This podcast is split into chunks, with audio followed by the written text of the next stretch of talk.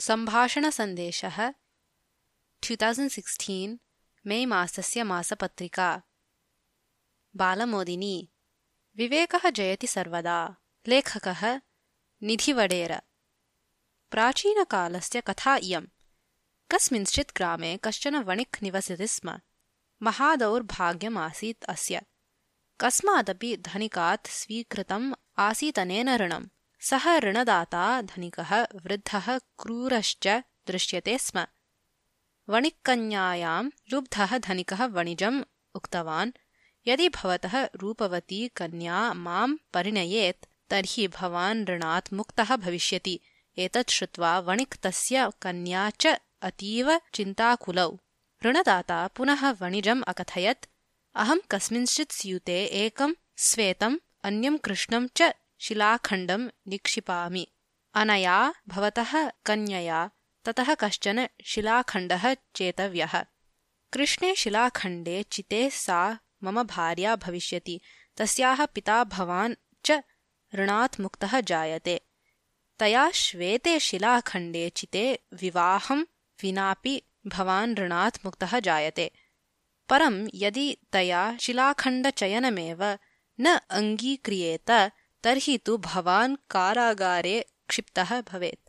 एतदवसरे ते सर्वे उद्याने शिलाखण्डाच्छादितपथे एव तिष्ठन्ति स्म। सम्भाषण सम्भाषणरतेन धनिकेन अवनम्य द्वौ शिलाखण्डौ चितौ यौ कृष्णौ एव आस्ताम्।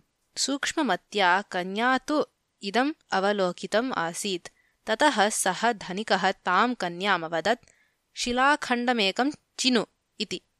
सा कन्या स्यूते हस्तं निधाय कञ्चन शिलाखण्डं स्वीकृतवती। भयकातरा सा सहस्तकम्पं शिलाखण्डं तत्रैव अपातयत्। भूमौ अनेन शिलाखण्डाः आसन् एव। तेषु बहुषु शिलाखण्डेषु अन्यतमः अभवत्। तया पातितः शिलाखण्डः अपि। ततः सा धनिकमकथयत् अहो कियतपाटवं मम? अस्तु तावत् स्यूते कः शिलाखण्डः अवशिष्टः इति यदि भवान् परिशीलयेत् तर्हि वक्तुं पारयेत् यत् मया कः चितः आसीत् इति। स्यूते आसीत् कृष्णवर्णः शिलाखण्डः अतः कन्यया श्वेतः एव शिलाखण्डः चितः इति अङ्गीकरणम् अनिवार्यम् अभवत्। यदि एतद् धनिकेन न अङ्गीक्रियेत तर्हि तस्य वञ्चना प्रकटिता भवेत् अतः सः अङ्गीकृतवान् यत् कन्यया पातितः शिलाखण्डः श्वेतः एव इति। तस्मात् वणिक् ऋणात् मुक्तः अभवत्। तया दक्षया कन्यया उपायेन व्यवहृत्य अपायं निवार्य इष्टम् अपि साधितम् आसीत्। कथा समाप्ता